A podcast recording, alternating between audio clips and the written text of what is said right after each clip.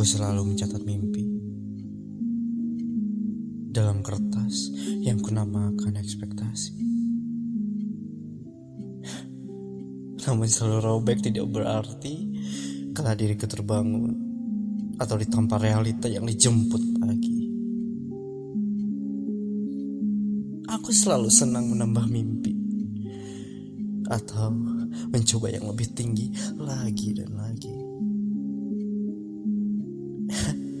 Namun sakit sekali. Aku terjatuh, tertimpa ironi karya sendiri. Sebut aku menghayal. Aku tak kesal. Sebut aku tak punya akal. Aku tak menyangkal. Sebut aku manusia abal-abal. Aku terpingkal. Sebut aku manusia. Apa kau ada?